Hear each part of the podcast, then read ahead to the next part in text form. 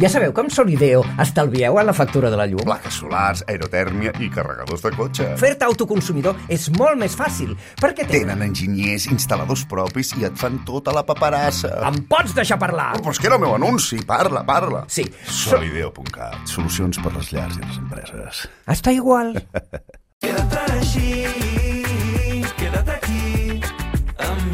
Revolució 4.0. Ens trobareu dos dies, els dissabtes i els diumenges. Me gustas tú, me gustas tú, me gustas tú. Com serà la Catalunya del 2030? A mi, Dissabtes a l'app i web i diumenges de 10 a 11 de la nit. quedas.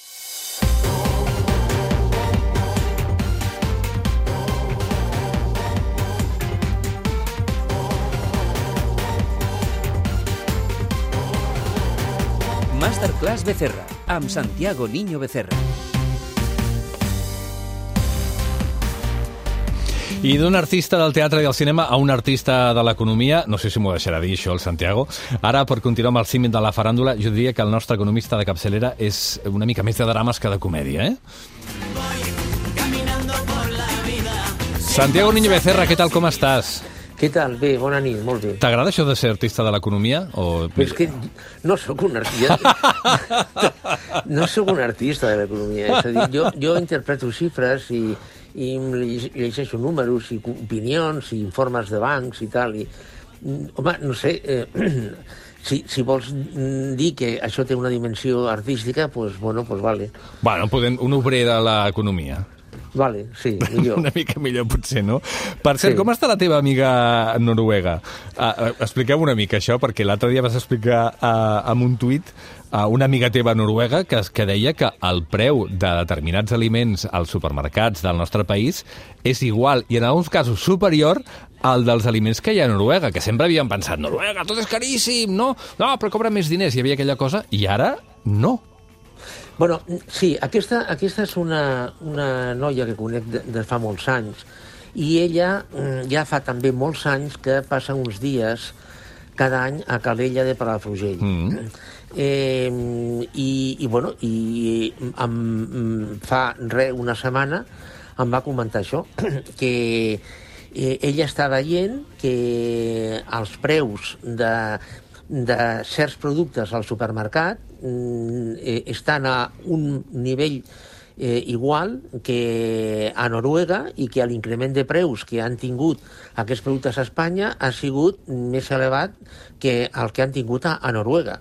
És convenient dir que eh, el PIB per càpita de, de Noruega eh, i el d'Espanya en, pari, en període de poder de compra eh, és de 70.000, més de 70.000 dòlars a, per, per any, eh? 70.000 dòlars a Noruega Mm. i, i 40.000 a Espanya, en període de poder de compra. Eh? És a dir, que una diferència clarament eh, a favor de Noruega. Mm.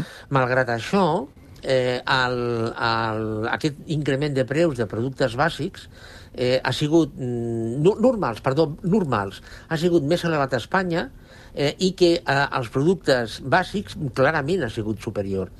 Clar, per altra banda, sí que és veritat que aquesta noia ja, ja em va dir fa, mm, fa, eh, bueno, fa temps que eh, un, un restaurant eh, a Noruega normalet, no, un menú no baixa de 100 euros.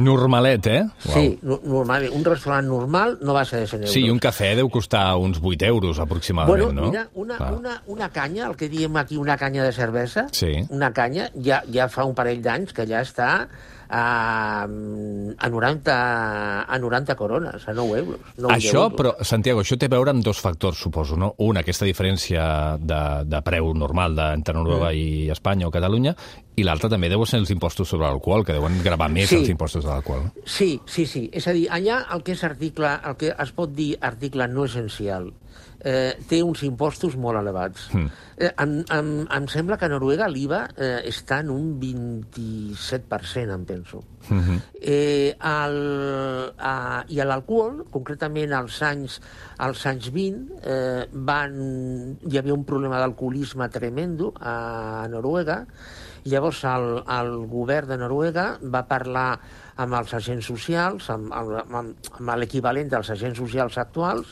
i li va donar als agents socials dues, mm, entre, escollir entre dues possibilitats. O bé eh, mm, imposar una llei seca, com als Estats Units, o bé pujar els impostos sobre l'alcohol brutalment.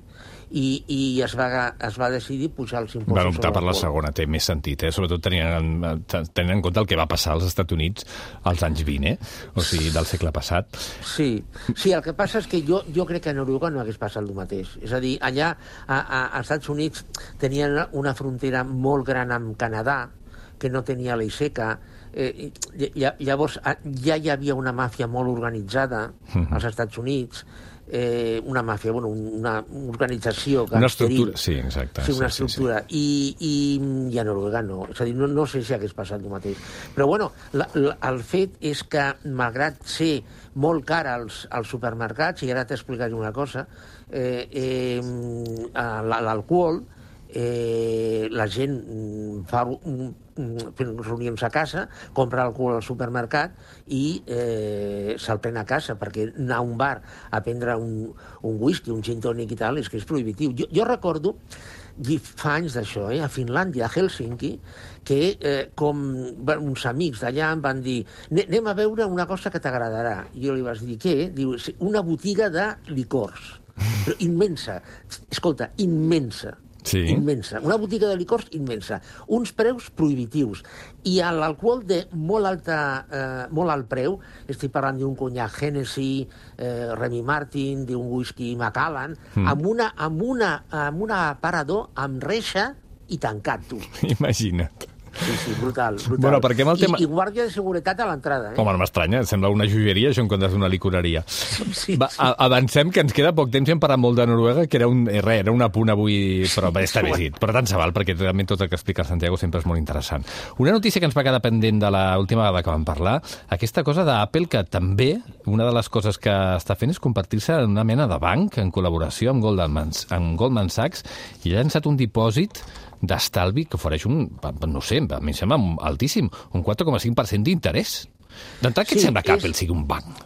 Sí, a, a més, tenint en compte, és a dir, que el, a la remuneració mitja dels dipòsits als Estats Units està en el 0,37%. Imagina't.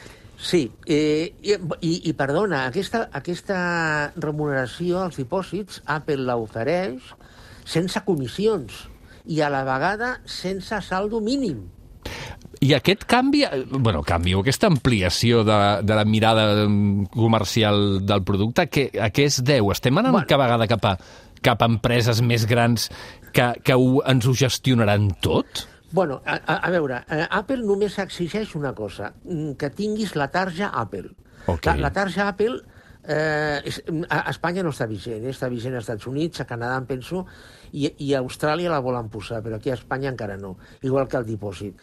Eh, és, una, és una tarja normal, eh, una tarja com pot ser, jo que sé, la Visa, eh, que té eh, tot l'assessorament i el muntatge de la tarja l'ha fet Goldman Sachs. Llavors, mm, eh, només de- demana això. I clar, evidentment el que vol Apple és fidelitzar mm, clients. Eh, no cal que tinguis un aparell Apple, mm, però evidentment mm, això portarà a crear una mena com d'elitisme. Jo, jo he vist la tarja Apple i, i és preciosa la tarja, és tota blanca, amb la poma amb un blau És, turquesa. perdona, és allò que fan sempre també, que hi ha una narrativa al darrere d'una simple Sí. targeta. No Sí, sí, només sí, és la sí, targeta, sinó el que significa tenir-la. Sí, exacte, no? ex exacte. Clar, Eh, clar. És això, eh? És això, eh? Sí, sí, sí. Lla- Llavors, es crea una, un, el- l'universo Apple, és a dir, l'objectiu és arribar, que ja, ja estem amb una mica això, eh? a l'universo Apple. Llavors, ara em diràs, bueno, però a Apple li costarà una pasta Clar. eh, remunerar aquests dipòsits. Sí, el que passa és que pensa que Apple, ara, ara, el calaix, el calaix vol dir el calaix, eh? Sí, sí, sí. Eh, Els el té, calaix diners disponibles. 130.000 milions de dòlars. En, això ho té. Això ara mateix posa la mà a la caixa i ho calaix. trec. Mare de Al Déu. caixa. Clar. És a dir, que tu fixa't el que pot tirar per fer publicitat remunerant aquests dipòsits. Clar. Llavors, aquesta gent, el, el, els clients, els, bueno, els clients, els, els tenedors de la tarja i que posin els diners, evidentment posaran diners, eh, això crearà una dinàmica de fidelització, eh, és una publicitat, vendre d'altres productes, etc etc etc. És a dir, és, està molt ben pensat, molt ben pensat. Escolta, re, um, un minut perquè em comentis una notícia que de totes les que tenim per comentar, però que em crida una mica l'atenció. L'altre dia llegim un estudi que deia que, que a banda dels salaris baixos, els joves no saben gestionar bé els diners eh, els pocs que puguin tenir, no? És a dir, que tenim doble problema aquí. Pocs eh, diners i a sobre no els gestionen bé. Com ho veus? Bueno, aquí, aquí tenim... Això és, és conseqüència de diverses coses. En primer lloc, que mm, eh, al, al Mediterrani, mm, al, a l'espanyol, eh, li agrada molt sortir i li agrada a l'oci. Mm. Tu, tu pensa, per exemple, que ara, ara mateix, la despesa en alimentació ha baixat un 11% a Espanya, un 11%, eh? Ma, malgrat la inflació, eh? Cuidado, Sí, sí, eh? sí, sí. Eh, ha baixat un 11%, però la despesa en oci no ha baixat. Ah, Eh, eh, és a dir, això què significa? Bueno, es- si- però significa, significa que l'espanyol- primer les copes i després els, les llenties. Sí, po pot ser que en lloc de tres copes, dos, però mm. bueno, però, però, però copes. I, bueno, i si, i si mm, mm, mengem menys pues, o, o, o una mica més barat, pues, bueno, pues vale, no? Això ja t'està indicant alguna, una, alguna cosa. En segon lloc, que clar, com els salaris són, són baixos, eh, els ingressos, més que els salaris, els ingressos són baixos, és a dir, hi ha problemes per arribar a, a fin de mes. Pensa, pensa que pràcticament el 65% dels espanyols tenen problemes per arribar a fi de mes. Clar, no hi ha una, una administració eh, a, a, amb mig termini, mig termini pot ser a acabar el, a acabar el mes, no? Perquè els, els diners no arriben. És a, dir, és a dir, és un viure al dia. Totalment. Ja, lla- llavors, clar, s'ha entrat en la dinàmica, però, però també t'explicaré una altra cosa, eh? s'ha arribat a una, a una dinàmica que mm, per eh, mm, pagar la despesa, atendre la despesa diària, eh, moltes persones estan ja recorrent als estalvis i a l'endeutament. Mm. De tota manera, pensa que a Brasil, per exemple, hi ha persones i no una ni dues, eh, que la llum, la llum, eh, el consum de llum el paguen en tarja. O, o sigui que al dia literalment. Literal. Literalment. Absolutament. No, no, no, no més que al dia, per avançat. Ostres. Sí, sí, o sigui, és... és incre...